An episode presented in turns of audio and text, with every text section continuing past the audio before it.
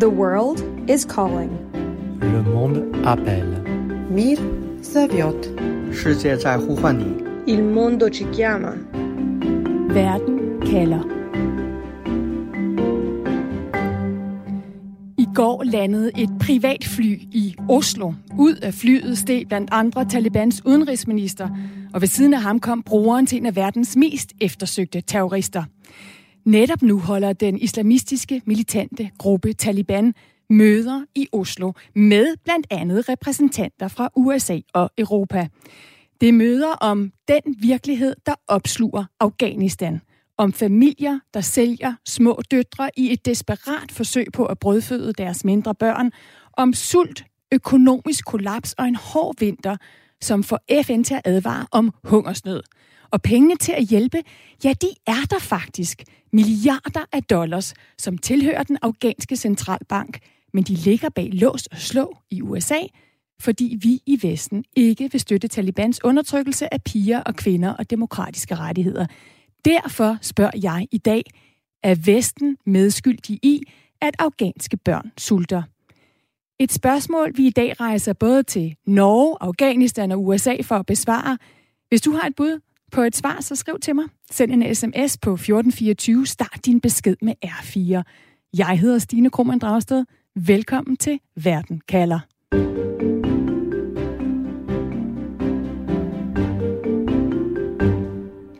Og lad os starte der, hvor det hele foregår lige nu i Norge, hvor du befinder dig, Simidjan. Tak for at være med i Verden kalder. Tak skal du have. Korrespondent for TV2 i Mellemøsten. Du har boet i Afghanistan, du kender sproget, du kender landet. Og gennem dine beretninger, Semi fra Afghanistan, der har vi jo været vidne til, hvordan det føles, da Taliban tog magten i landet, og 20 års amerikansk og vestlig militær og politisk indsat kollapsede på ingen tid. Semidjan, hvorfor har Norge fløjet Taliban til Oslo i et privat fly og indlogeret dem på et hotel netop nu? Det er simpelthen fordi Norge har en øh, historik, hvor de har været dygtige til fredsforhandlinger, hvis vi skruer tiden tilbage. Og Norge øh, har ligesom øh, også følt, at det Doha ligesom har overtaget rampelyset, fordi Doha har været der, hvor Taliban har sit kontor, sit politiske kontor, og ligesom har været omdrejningspunktet for møderne med det internationale samfund og Taliban. Så nu kommer Norge altså ind på banen igen og siger, vi faciliterer det her møde, vi bruger 7 millioner af skatteborgernes penge, 3,5 millioner den norske kroner på at et privatfly, som fløj øh, de her Taliban-folk øh, til Norge i, i forgårs, hvor de landede om aftenen. Og det gør vi, fordi at vi gerne vil facilitere, øh, at der bliver fundet en løsning på det, der sker i Afghanistan. Altså den der store humanitære krise, hvor øh, øh børn øh, sulter, folk sulter, og der altså pengene er indfrosset centralbanken, og der er sanktioner fra USA.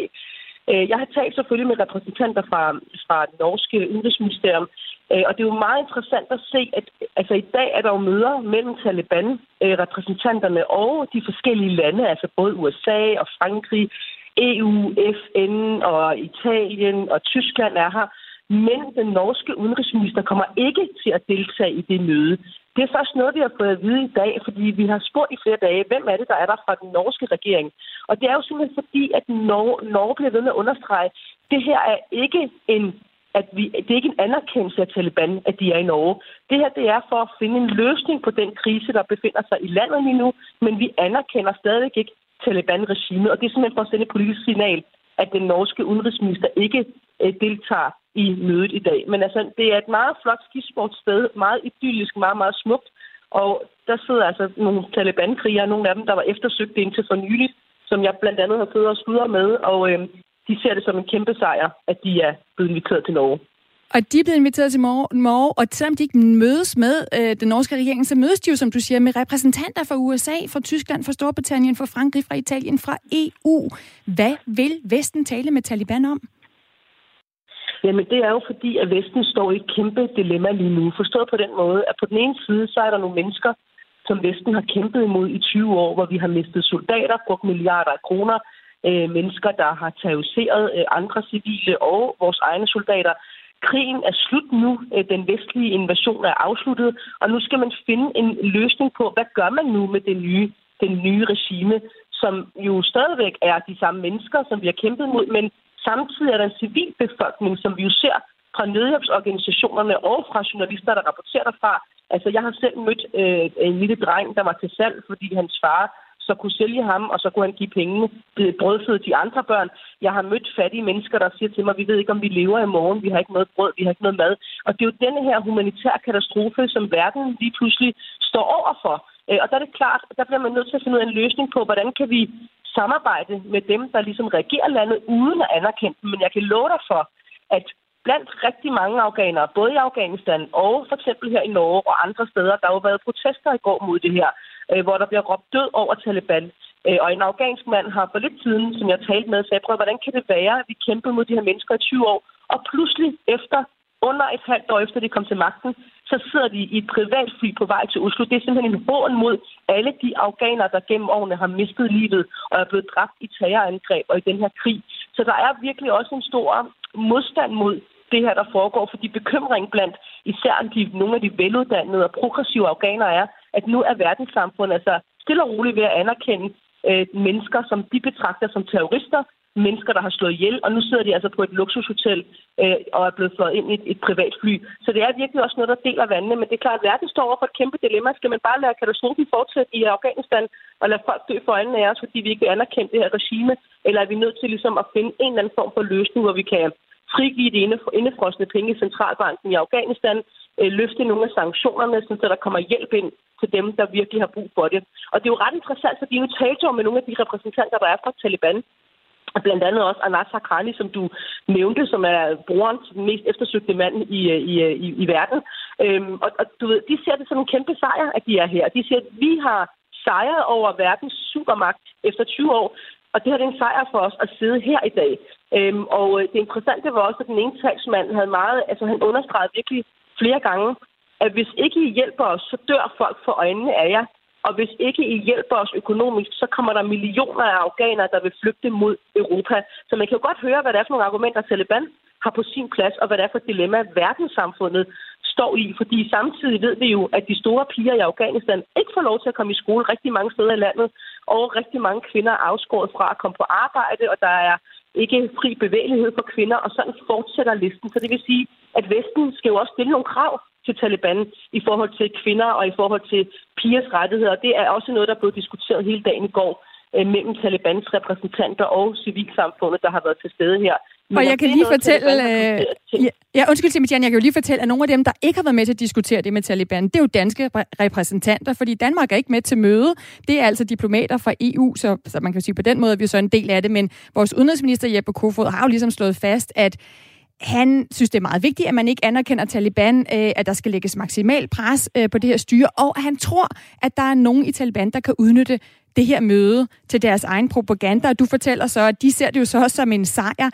Altså, øh, Semidjan, den norske udenrigsminister siger, at den politiske situation ikke må stå i vejen for at finde en, en løsning på den her humanitære krise. I det her program, der spørger jeg, om vi i Vesten er medskyldige i, at afghanske børn lige nu sulter. I hvor høj grad ser du de her møder i Oslo, netop nu med Taliban, som en indrømmelse fra vestlig side af, at vi bærer en del af ansvaret? Jeg tror, det er en, øh, en erkendelse af den situation, vi står i nu, at 20 års krig ligesom er slut, og de mennesker, vi kæmpede mod, er tilbage ved magten igen. Og derfor er man nødt til at gøre noget, fordi ellers så kommer vi jo til at se rigtig mange mennesker dø for øjnene af os, og kan vi tillade os at gøre det? Det er jo sådan set det spørgsmål, vi stiller os selv. Og det ved Taliban jo udmærket godt, at der er de her etiske og moralske øh, kattepiner, som verdenssamfundet sidder i, og den vil de jo bruge til deres fulde. Øh, og det er jo også derfor, der er nogen, der siger, at det er jo den eneste vej frem.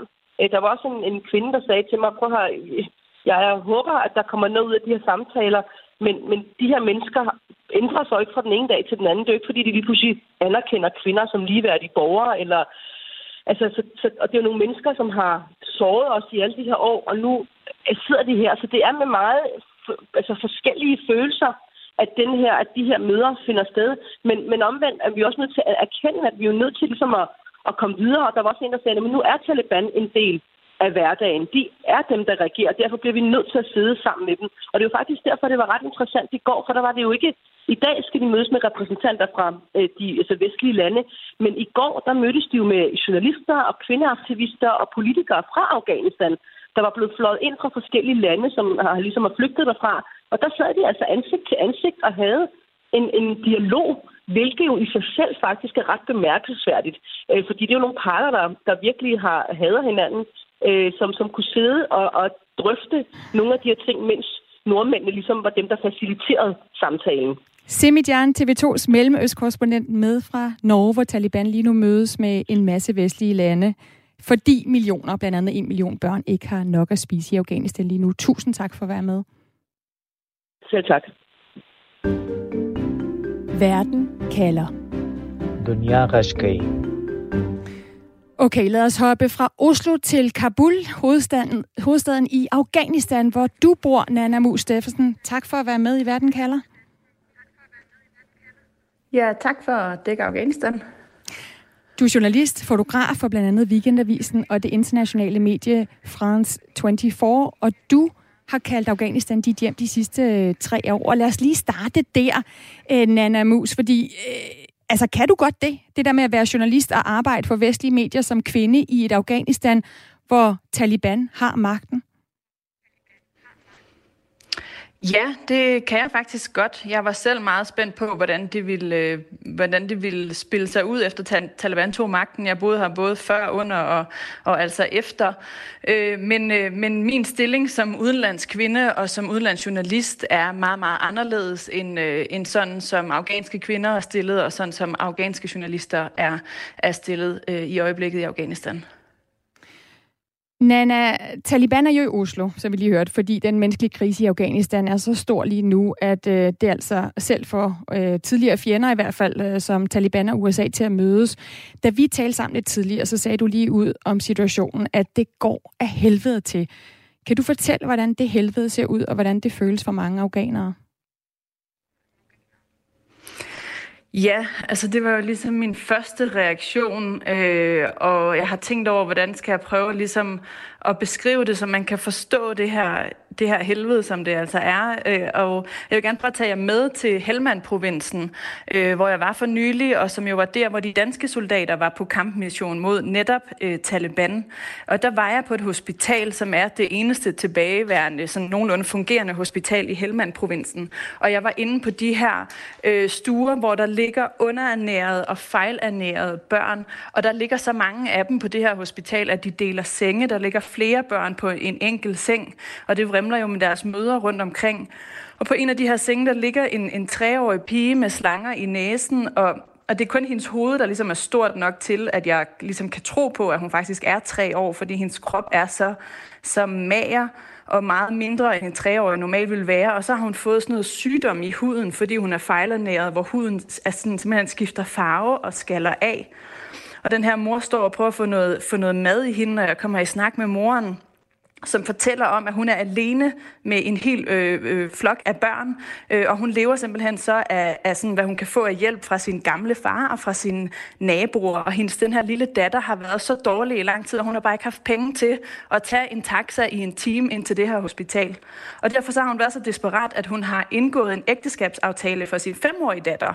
Og det betyder altså ikke, at datteren skal giftes nu og her, men det betyder, at den her datter skal giftes, når hun fylder 15 år. Og på den måde har den her mor fået fat i noget af den her medgift for den her efterskabsaftale, og dagen efter tager hun sin lille datter med til det her hospital, hvor jeg så møder dem. Så det er så desperat, som mange forældre er lige nu.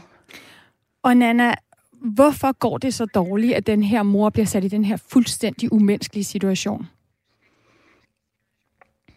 Jamen det er en, en, øh, man kan sige, en storm af, af forskellige faktorer lige oven i hinanden. Altså der er flere grunde til det. Det ene er, at der har været tørke i længere tid, altså over flere sæsoner i Afghanistan, som betyder, at høsten har været rigtig dårlig. Og ude på landet, for eksempel i Helmand-provinsen, der er rigtig mange, der lever direkte fra, fra jord til bord, øh, kan man sige. Og så oven i det, jamen så kommer det her med, at Vesten jo altså har trukket sin støtte, da Taliban tog magten, som vi skal, som vi skal tale noget mere om. Ikke? Og så oven i det, så kommer, at nu er det så vinter.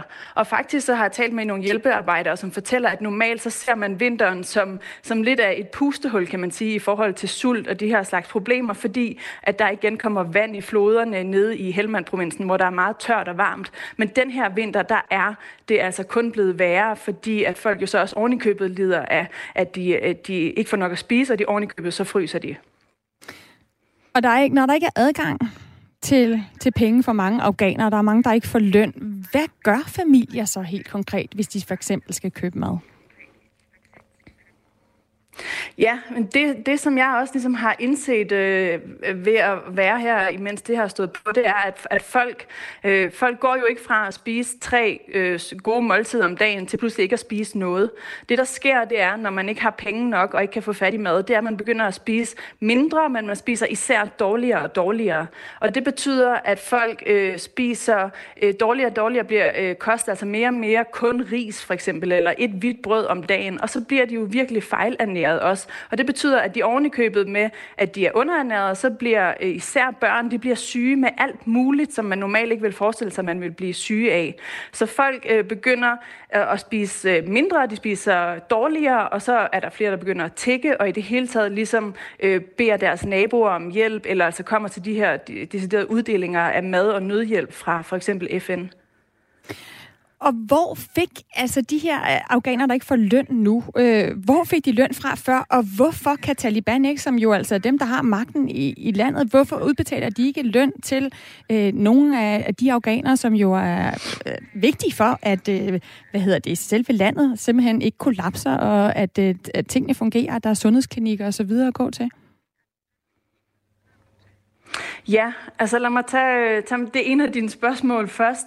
Altså, øhm, det helt korte svar er jo, at Taliban har ikke adgang til de millioner, er der millioner af dollars, som før øh, blev pumpet til Afghanistan til at drive øh, sundhedsvæsenet og betale løn til for eksempel læger og sygeplejersker øh, og andre offentlige ansatte. Og, og en af, af grundene til det, det, det er, som du også sagde tidligere på programmet, at den afghanske centralbanks værdier, som altså er cirka øh, 9 milliarder dollars, de blevet indefrosset af USA. Så det har reelt lukket hele øh, banksektoren, faktisk hele økonomien ned.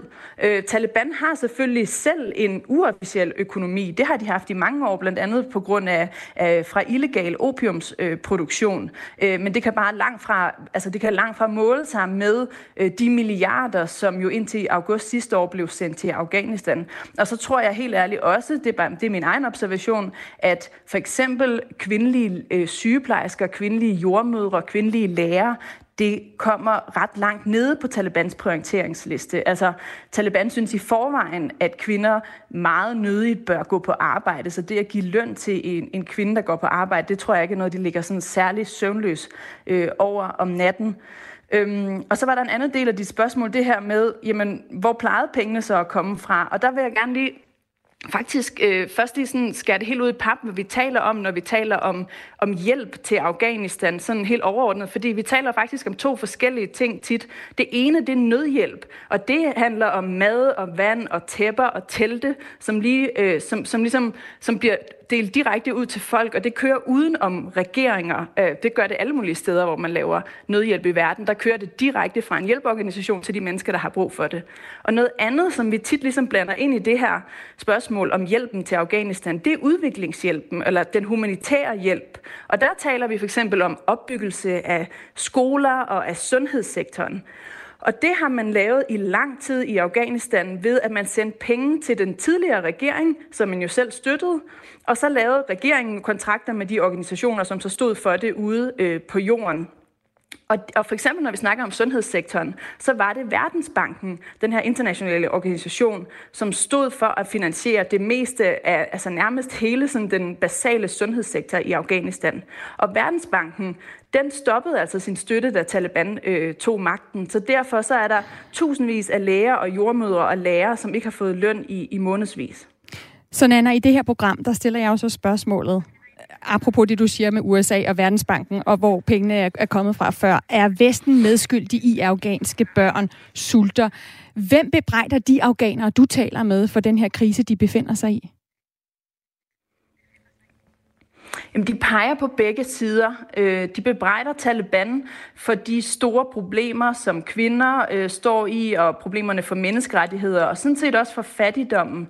Men de bebrejder i den grad også Vesten for øh, det, som folk oplever som at få en kollektiv straf til almindelige afghanere for ting, som Taliban øh, har gjort. Så folk peger øh, i virkeligheden begge veje. Jeg vil sige, at folk vil selvfølgelig øh, have, at hjælpen går til de rigtige, og til dem, der har mest mest brug for den, og at der altså ikke falder korruption øh, af øh, ned i Talibans øh, lommer. Men, men, men folk er ligesom også der, hvor man kan sige, at virkeligheden her i Afghanistan, det er, at Taliban er ved magten, og virkeligheden er, at folk øh, sulter. Så spørgsmålet, folk ligesom stiller sig selv, det er også, altså, Selvom der er nogen, der vil sige, ja, man skal prøve at skubbe Taliban, og ja, man skal prøve at presse dem til at lave nogle forbedringer for kvinder øh, og, og, og for, for menneskerettigheder i det hele taget, øh, så, så er det heller ikke sådan, at man tænker, at hvis man presser dem nok, så forsvinder de. Altså, Taliban er her, og det, som er realiteten for folk, det er, at hvis den her hjælp ikke kommer, jamen så er det de almindelige afghanere, som, som lider af det. Det er ikke Taliban, og Taliban forsvinder ikke. Taliban er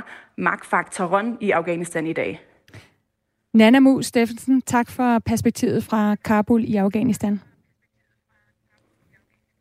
Selv tak.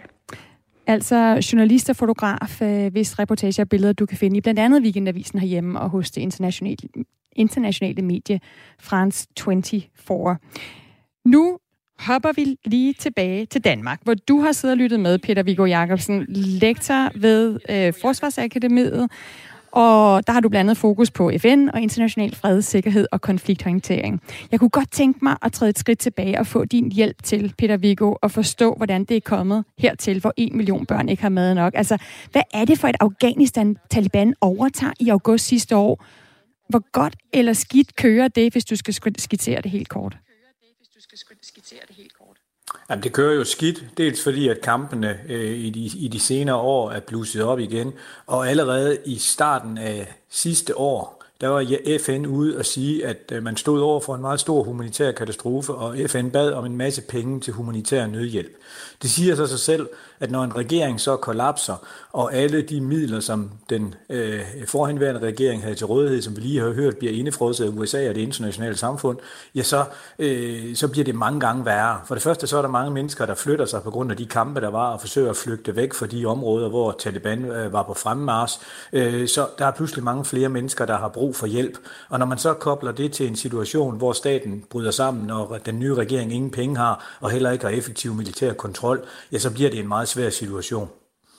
Og hvor står landet så politisk i dag sammenlignet med for fem måneder siden? Altså er der mindre øh, konflikt og mere fred for den almindelige afghaner? Der er mindre væbnet konflikt øh, nu, end der var tidligere. Der er stadigvæk ikke fuld kontrol, og ja, der er stadigvæk lidt bøvl rundt omkring, men, men på det rent militære, sådan hårde område, der er der, der er der mere stabilitet. Men omkring det, som vi har hørt, det kring det humanitære og, og det med de, at få de fundamentale statslige institutioner til at, at fungere, ja, der virker det jo ikke. Og nu er økonomien så noget nær et, øh, et kollaps, som, øh, som vi også lige hørte. Altså Vesten har smækket pengekassen i, Verdensbanken har trukket sig, vi har sanktioner. Øhm, og øh, det kunne Taliban jo have regnet øh, ud, da de tog magten. Altså de havde vel ikke regnet med, at de blev finansieret af Vesten, at de tog kontrol. Hvad var deres plan? Hvad var deres plan? Jamen deres plan var jo at tage magten og så tage det derfra. Når man laver en strategi på den her måde, så tager man jo et skridt ad gangen, og så har de vel gået ud fra, at når de først sad på, øh, på Kabul og de sad på staten, ja, så var det internationale samfund jo nødt til at forhandle med dem. Og det er jo så også det, at den her delegation, der nu sidder i Norge, er udtryk for, at man ikke bare kan gøre ingenting, og at man er nødt til at prøve at få en forhandling i gang. Så man kan jo sige, at deres Øh, deres strategi er jo lykkes delvist, men den er jo kun lykkes delvist forstået på den måde, at de er jo ikke blevet anerkendt diplomatisk som den nye legitime regering i Afghanistan. De har ikke fået sæde i FN's generalforsamling, og amerikanerne og det internationale samfund, Verdensbanken, har smækket øh, pengekassen i, så det kun er akut livreddende humanitær assistance, der, der uddeles af Røde Kors og humanitære øh, organisationer. Det er den eneste form for støtte, som øh, der bliver givet i øjeblikket, og der er jo ikke noget, der tyder på, at det kommer til at ændre sig. Heller ikke selvom vi har det her møde i, i Oslo i de her dage. Peter Viggo, vi har nyheder lige om lidt. Jeg vil bare helt kort spørge dig om, altså Taliban har udråbt en islamisk stat. De har sendt piger og kvinder hjem fra skole og arbejde, og derfor fordømmer vi dem. Hvorfor får Taliban ikke hjælp for de andre lande i Mellemøsten, der støtter Talibans verdenssyn? Bare helt kort. Jamen det er jo fordi, at det gider de der lande ikke, øh, hvad det hedder, bruge penge på. Saudi-Arabien burde jo være en stor, stor donor, men de har selvfølgelig også interesse i at have et godt forhold til USA, og USA vil jo blive sure, hvis de støttede dem. Så på den måde, der er der ikke rigtig nogen lande, der har lyst til at støtte Taliban, fordi så vil de jo få Vesten på nakken. Peter Viggo Jacobsen, lektor ved Forsvarsakademiet. Vi vender tilbage til dig. Om lidt så skal vi øh, lige tilbage til Afghanistan for at høre fra en, der mener, at vi skal forhandle med Taliban. The world is calling. Le monde appelle. Mir zawiot. Il mondo ci chiama. Verden kalder. Er Vesten medskyldig i, at afghanske børn sulter? Det spørgsmål er vi godt i gang med at få svar på her i Verden kalder på Radio 4. Og jeg har også fået et par sms'er fra jer, der lytter med. Henrik, han skriver blandt andet, jeg synes, at det er en skamplet på Norden og et knæfald, der ikke burde have gang på jorden. Smid Taliban tilbage uden hjælp og lad befolkningen gøre arbejdet færdigt. Med venlig hilsen Henrik. Det skriver Henrik altså om det møde, der netop nu er i gang i Oslo mellem Taliban-repræsentanter og blandt andet repræsentanter for EU og øh, USA. Michael har også skrevet ind på 1424 og startet sin besked med R4. Det eneste rigtige er at få hånd i hanke med, hvem der får de indefrosne midler. Bliver pengene blot frigivet til Afghanistan uden yderligere adresse, så vil det blot blive set som en sejr for Taliban og brugt til våben og yderligere undertrykkelse af befolkningen. De er helt utroværdige i deres løfter, viser historien, og pengene skal gå gennem humanitære organisationer. Ellers får befolkningen heller ikke helt lavpraktisk kræfter til at slå igen mod undertrykkerne, skriver Michael altså på sms'en. Du er velkommen til også at skrive ind. Nummeret er 1424. Du starter din besked med R4. Så står jeg her og læser den i inboxen, og jeg hedder Stine Kromand Dragsted. Og det her spørgsmål, som jeg stiller i programmet i dag, det stiller jeg jo, fordi det for en gang skyld ikke handler om at skaffe penge til børn, der sulter. Pengene er der. Vi har altså i Vesten frosset de her kæmpe pengesummer summer fra Afghanistan inde, fordi vi ikke vil støtte Taliban og dets undertrykkende regime. Og fordi det er et dilemma, vi også i Danmark har svært ved at svare på, så synes jeg, det er meget interessant at tage op, altså det her med, hvordan skal vi hjælpe befolkningen i et land, hvor vi ikke kan lide regimet og ikke vil samarbejde med det. Verden kalder. Dunya Rashkai.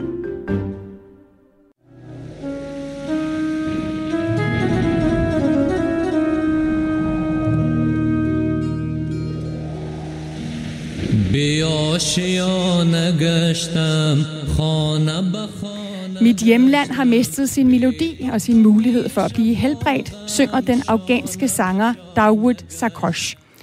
Men en af de afghanere, der nu forsøger at hjælpe ved at skaffe og dele mad ud, det er Ubaidullah Bahir. Hi, I'm Ubaidullah Bahir. I am a lecturer at the American University. I am also a visiting scholar at the New School in New York.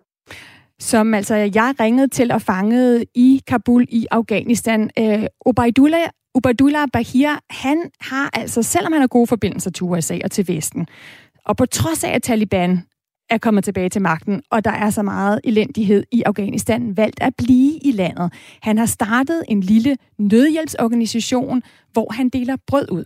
They really didn't have the wood or any of the other facilities to cook with. Um, so we decided to actually... Situationen er så slem nu, hvor det er vinter, at mange familier ikke engang har et sted at lave mad eller råd til at brænde for at tilberede mad, fortæller Ubaidullah Bahir. Og derfor så er han altså begyndt at dele færdigbagt, færdigbagt brød ud i stedet for nødhjælpspakker med for eksempel mel og olie.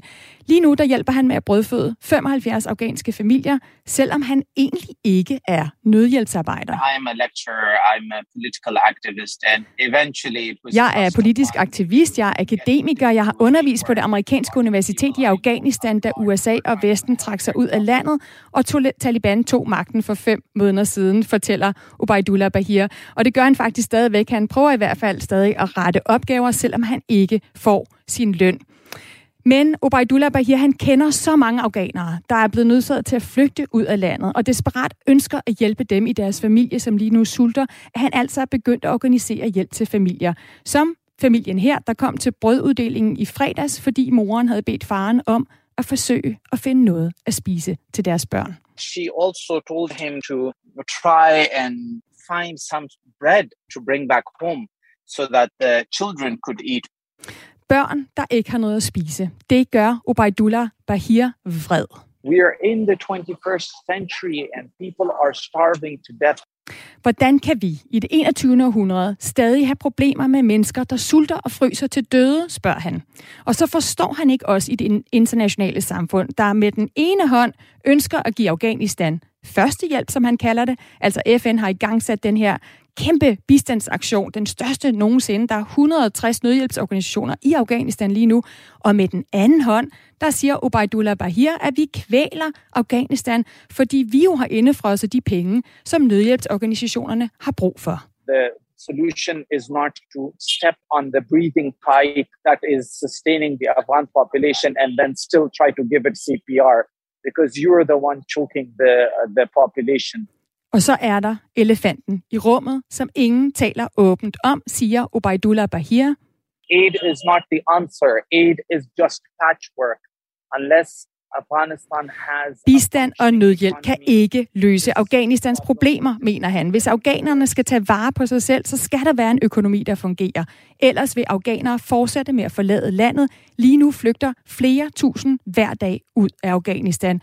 Så Vesten må forsøge ikke bare at mødes med Taliban, men at forhandle med dem, mener Obaidullah Bahir. This doesn't mean we let the atrocities slide. This doesn't mean we let them do whatever they want to with regards Det handler ikke om, at Vesten skal gå på kompromis, øh, uden at Taliban skal give sig. Det handler ikke om, at, øh, at vi ikke skal stille krav. Vi skal stille krav, og så skal vi forhandle i stedet for bare at vinde det, og vende det blinde øje til. For once the fighting has stopped, i want, I dream that we make something out of it, that it's sustainable, that a reconciliation can happen.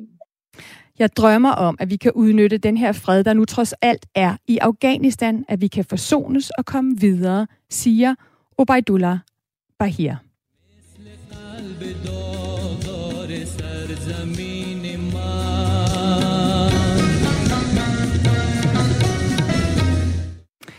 Peter Viggo Jacobsen, lektor ved Forsvarsakademiet. Du har lyttet med til den her beretning fra Afghanistan, til det her budskab om, at humanitær hjælp ikke er nok, at vi bliver nødt til at forhandle med Taliban, når nu de de facto er øh, regeringen i Afghanistan.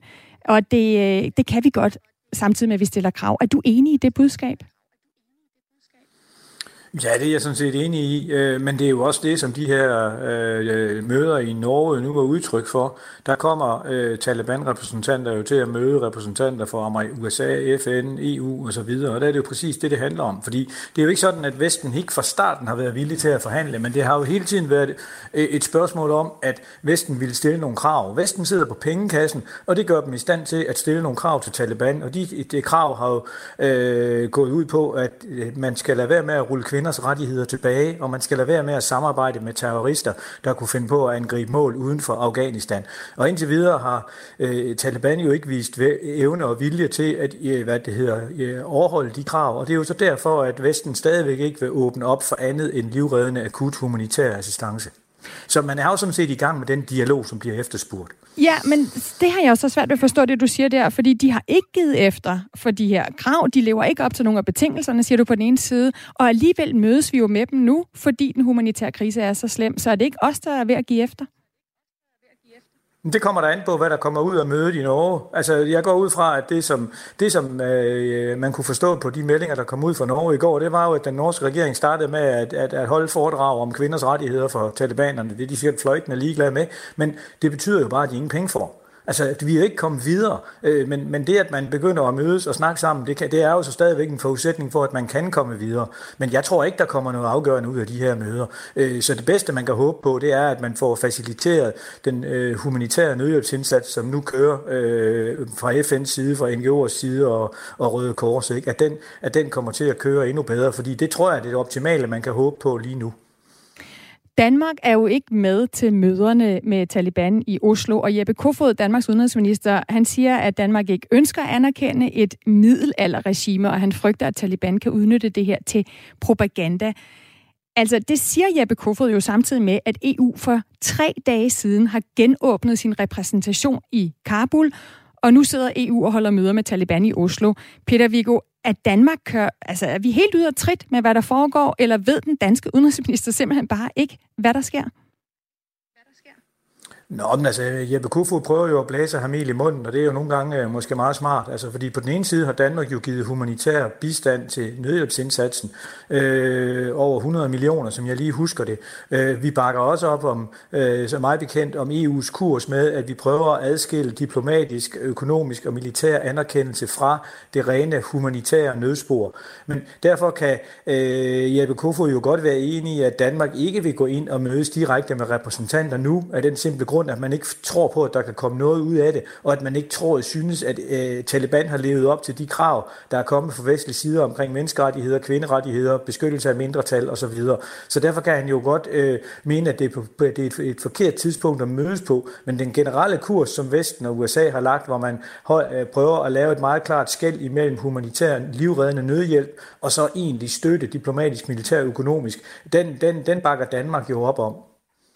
Hvad mener du? Altså, øh, vi taler om en humanitær krise her. Det er det, der har fået øh, USA og EU og andre til bordet i Oslo med Taliban. Men vi taler vel også om et muligt statskollaps i Afghanistan, der i sidste ende kan ramme os selv, fordi ja, for eksempel islamisk stat øh, kunne træde ind og udfordre Taliban. Altså, er det på tide, at vi sætter os ned og forhandler os, selvom at øh, Taliban ikke lige nu har eftergivet nogle af de her krav, vi har stillet til dem?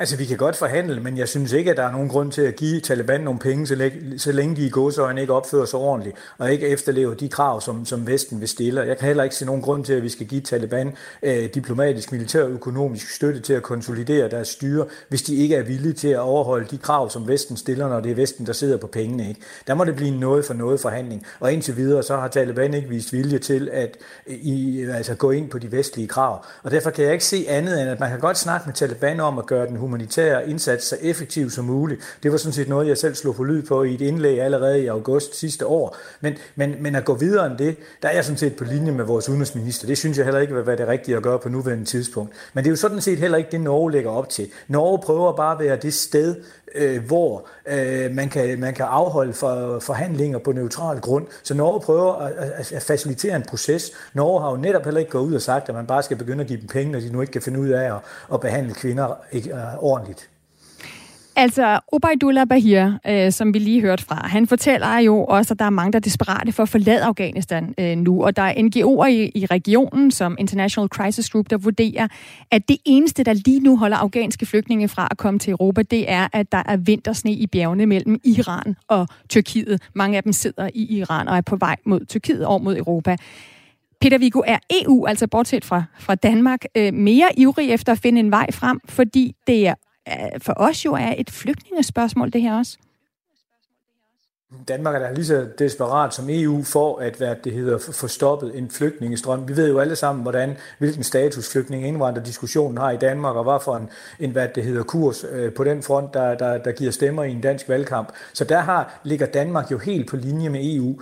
Danmark og EU ved godt begge to, at det er utrolig svært at håndtere politisk, når, når flygtninge først kommer inden for EU's ydre grænser, fordi EU-landene ikke er særlig gode til at blive enige om, hvordan man skal fordele sådan nogle flygtninge. Så der har Danmark en lige så stor interesse i at få øh, stabiliseret Afghanistan, øh, hvad hedder det, som, som EU har. Øh, og, og derfor så vil man jo sandsynligvis også prøve at se, hvad, der, der, der har man, øh, altså det, det kan man sige, det er sådan set det trumfkort, som Taliban sidder med i forhandlingerne, at vi er så bange for nye flygtningestrømme, at de måske kan bruge det til at presse noget ud af os. Og det er jo præcis den forhandling, vi ser i øjeblikket. Og som du sagde tidligere i programmet, så er det præcis også det, som, som hvad det er. Det var Simian, der sagde, det, det er præcis det, som Taliban i øjeblikket slår på. Øh, giv os nogle penge, eller vi oversvømmer jer med flygtninge. Det er lidt den samme politik, som Hvide Ruslands præsident jo for nylig brugt i den her konfrontation, der var ved den polske grænse. Og Peter Viggo... Der kan man sige, aktivt går Taliban jo så ikke ind og sender flygtninge til Europa. Nej, mm. de finder selv op.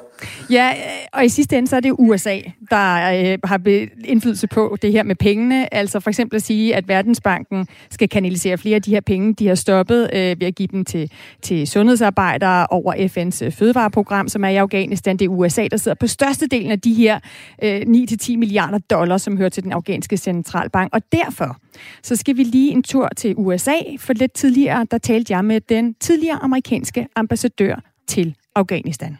Mr. Ambassador, can you hear me? I think I can. Ambassadør Michael McKinley var i Afghanistan fra 2013 til 2016. I served in my career across 37 years as ambassador to Afghanistan, Colombia, Peru, and Brazil. Michael McKendy, han er altså diplomat fra det amerikanske udenrigsministerium. Han har tjent i mange lande ud af Afghanistan. Han er altså ikke en forretningsmand, øh, som har givet penge til en præsident, en amerikansk præsidents valgkamp, som mange andre amerikanske ambassadører er det. Og han er helt med på, hvor gralt det står til i Afghanistan, fordi der simpelthen ikke er penge i landet til at betale for nødhjælpsarbejdere. Essentially, there is no cash inside the country to support humanitarian operations. And in a country of 40 million people, we are now looking Halvdelen af Afghanistans 40 millioner mennesker risikerer at sulte, fordi der simpelthen ikke er penge i landet. For more than half of the population. So we're speaking about numbers uh, that are difficult to imagine. Over 20 million people at risk. Så hvorfor ikke hurtigst muligt frigive nogle af de afghanske penge, der er i USA, og bruge dem til nødhjælp, spørger jeg ambassadør Michael McKinley. For det første svarer han, fordi USA vil være helt sikre på, at de ikke støtter personer, som nu er fremtrædende i Talibans styre, og øh, som USA har på deres liste over terrorister med mange liv på samvittigheden. Og for det andet, siger han. We're speaking about the only government in the world that denies rights on the scale that the Taliban does to half of the world's population, to girls and women inside Afghanistan. Taliban er det eneste regime i verden, der så omfattende har frataget piger og kvinder deres rettigheder. Den tredje grund til, at vi ikke skal samarbejde med Taliban, er, at de ikke formelt har sagt, at de opgiver deres forbindelser til al-Qaida.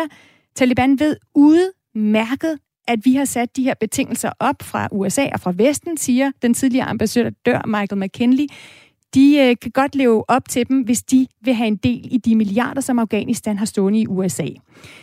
Jeg øh, spørger ham altså om, vi overhovedet har spurgt dem, om de vil prøve at leve op til de her betingelser, vi har sat. The Taliban is well aware of what uh, has to uh, take place at a minimal level to shift the paradigm. So it's not as though there's a door that is closed. Der er ingen, der har smækket døren i hovedet på Taliban, ud over de møder, som øh, foregår lige nu i Oslo mellem Taliban og amerikanerne og europæerne. Så har der været højt placerende europæere i, i Afghanistan, fortæller den tidligere ambassadør. De har mødtes med Taliban. FN-diplomater har haft øh, dialog i håbet om, at Taliban vil ændre deres holdning. Ambassadør øh, Michael McKinley han siger, at USA, ligesom mange andre lande, ønsker at hjælpe afghanerne ud af den her krise, de står i.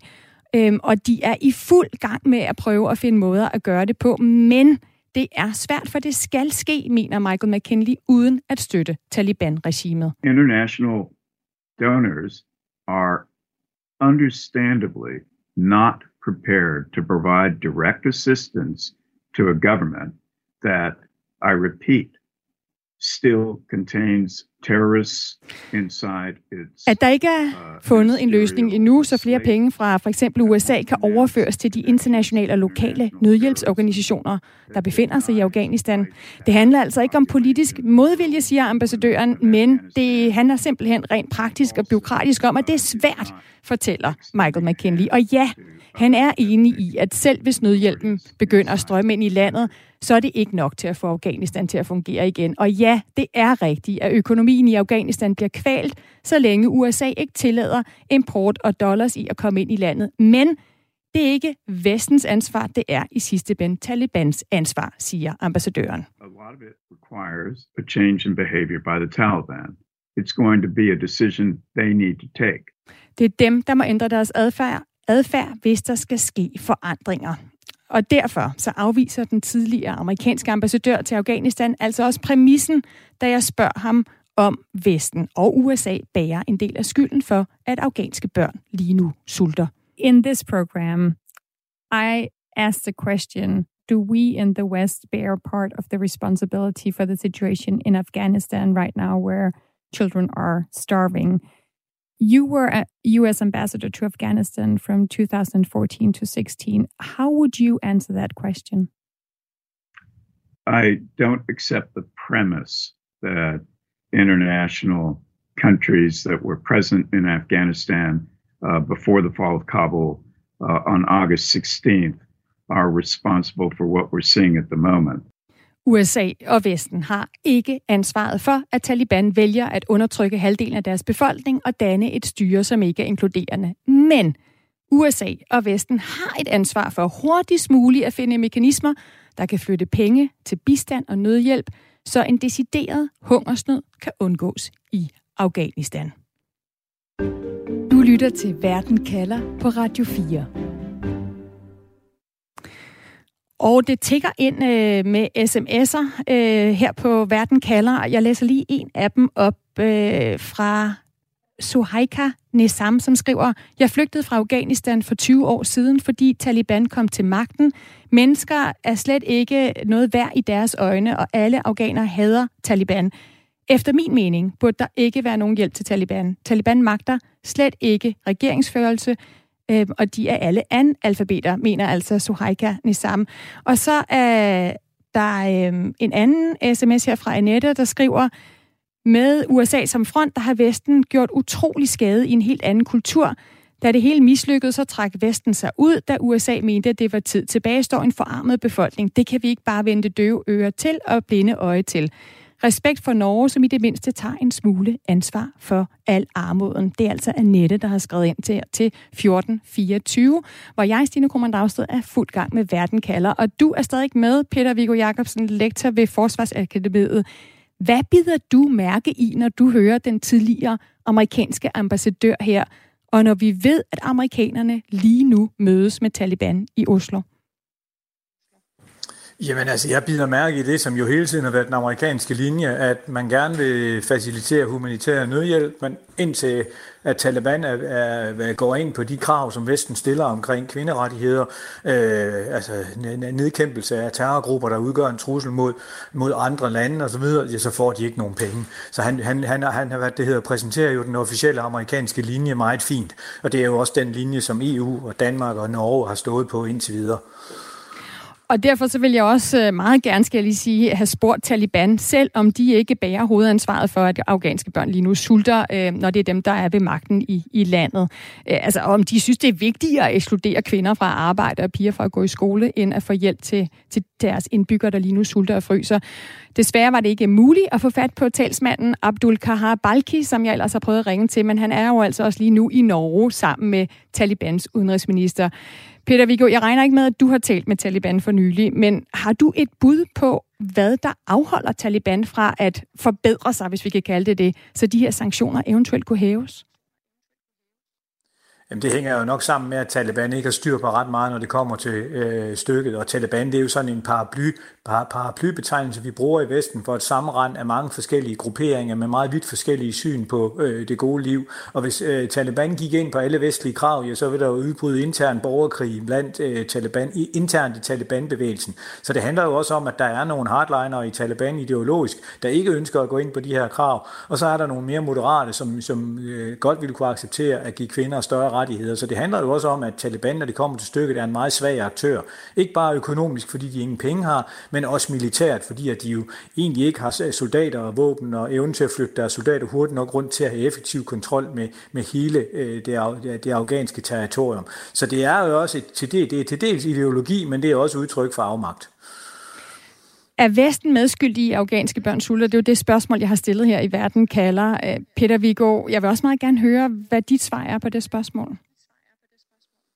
Der ligger jeg jo nok lidt på linje med den amerikanske ambassadør. Selvfølgelig, som også er nogle af lytterne, der har sagt, så bærer vi et vist medansvar, fordi vi jo har holdt hunden under en afghansk regering i mange år, der overhovedet ikke fungerede, og var pivkorrupt og alt muligt andet. Men altså, jeg synes jo, at Vesten, når man ser på, hvor mange ressourcer vi har brugt i Afghanistan, har prøvet at give afghanerne en chance for at at få et bedre liv. Amerikanerne har brugt flere penge i Afghanistan, end de brugte på Marshallhjælpen efter 2. verdenskrig. Og ja, jeg er udmærket godt klar over, at langt størstedelen af de penge, vi har brugt, de er blevet brugt på den militære tilstedeværelse. Og man kan også sagtens gå ind og kritisere den vestlige tilstedeværelse for at have brugt mange penge forkert, have hvad det hedder, været med til at nære den øh, enorme korruption, der i dag er i landet. Men når det er sagt, så, så mener jeg også i sidste instans, at det er Talibans primære ansvar, at de ikke vil gå ind øh, på nogle øh, betingelser altså, øh, som, som gør det øh, muligt for vestlige samfund at, at, at yde en større støtte, end de gør i dag. For det vi også er klart, at de reaktioner, vi har fået på det her program, så er der jo nogen, der for eksempel mener, at Norge går helt, helt alt, alt for vidt.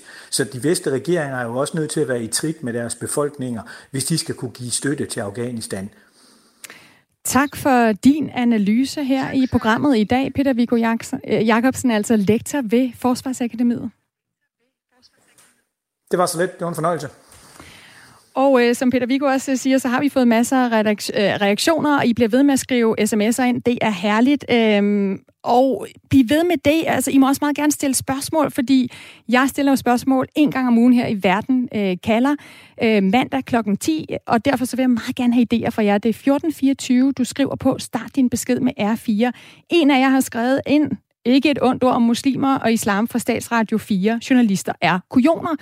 Jeg kan bare lige fortælle, at jeg har været i kontakt blandt andet med Diwa Samat, som er den tidligere afghanske vicesundhedsminister, for at høre, hvad hendes budskab til Taliban er. Og hendes budskab er netop, at Taliban fuldstændig har misforstået, hvad islam står for. At islam i hendes øjne godt kan betyde, at kvinder kan gå på arbejde, og piger kan gå i skole. Og hun mener simpelthen ikke, at afghanere vil acceptere øh, det styre, som øh, Taliban har i landet lige nu. Og så skriver Christian Rasmussen på sms'en, hvor er Talibans nye ven Kina? Hvorfor er det altid os i Vesten, der har et ansvar? Vi har brugt milliarder af dollars på den konto. Hvornår er det nok? Med venlig hilsen, Christian Rasmussen. Verden kalder. Dunia Rashkai. Det var alt for i dag. Udsendelsen her er lavet af mig, Stine Krohmann Dragsted, Benjamin Munk og redaktør Camilla Høj Eggers. Du kan finde alle afsnit af Verden kalder på Radio 4's hjemmeside og i din foretrukne podcast-app. Og du kan skrive til os på verdenkalder radio4.dk. Ris eller ros og forslag til spørgsmål, vi skal stille. Jeg er tilbage om en uge. God dag til jer.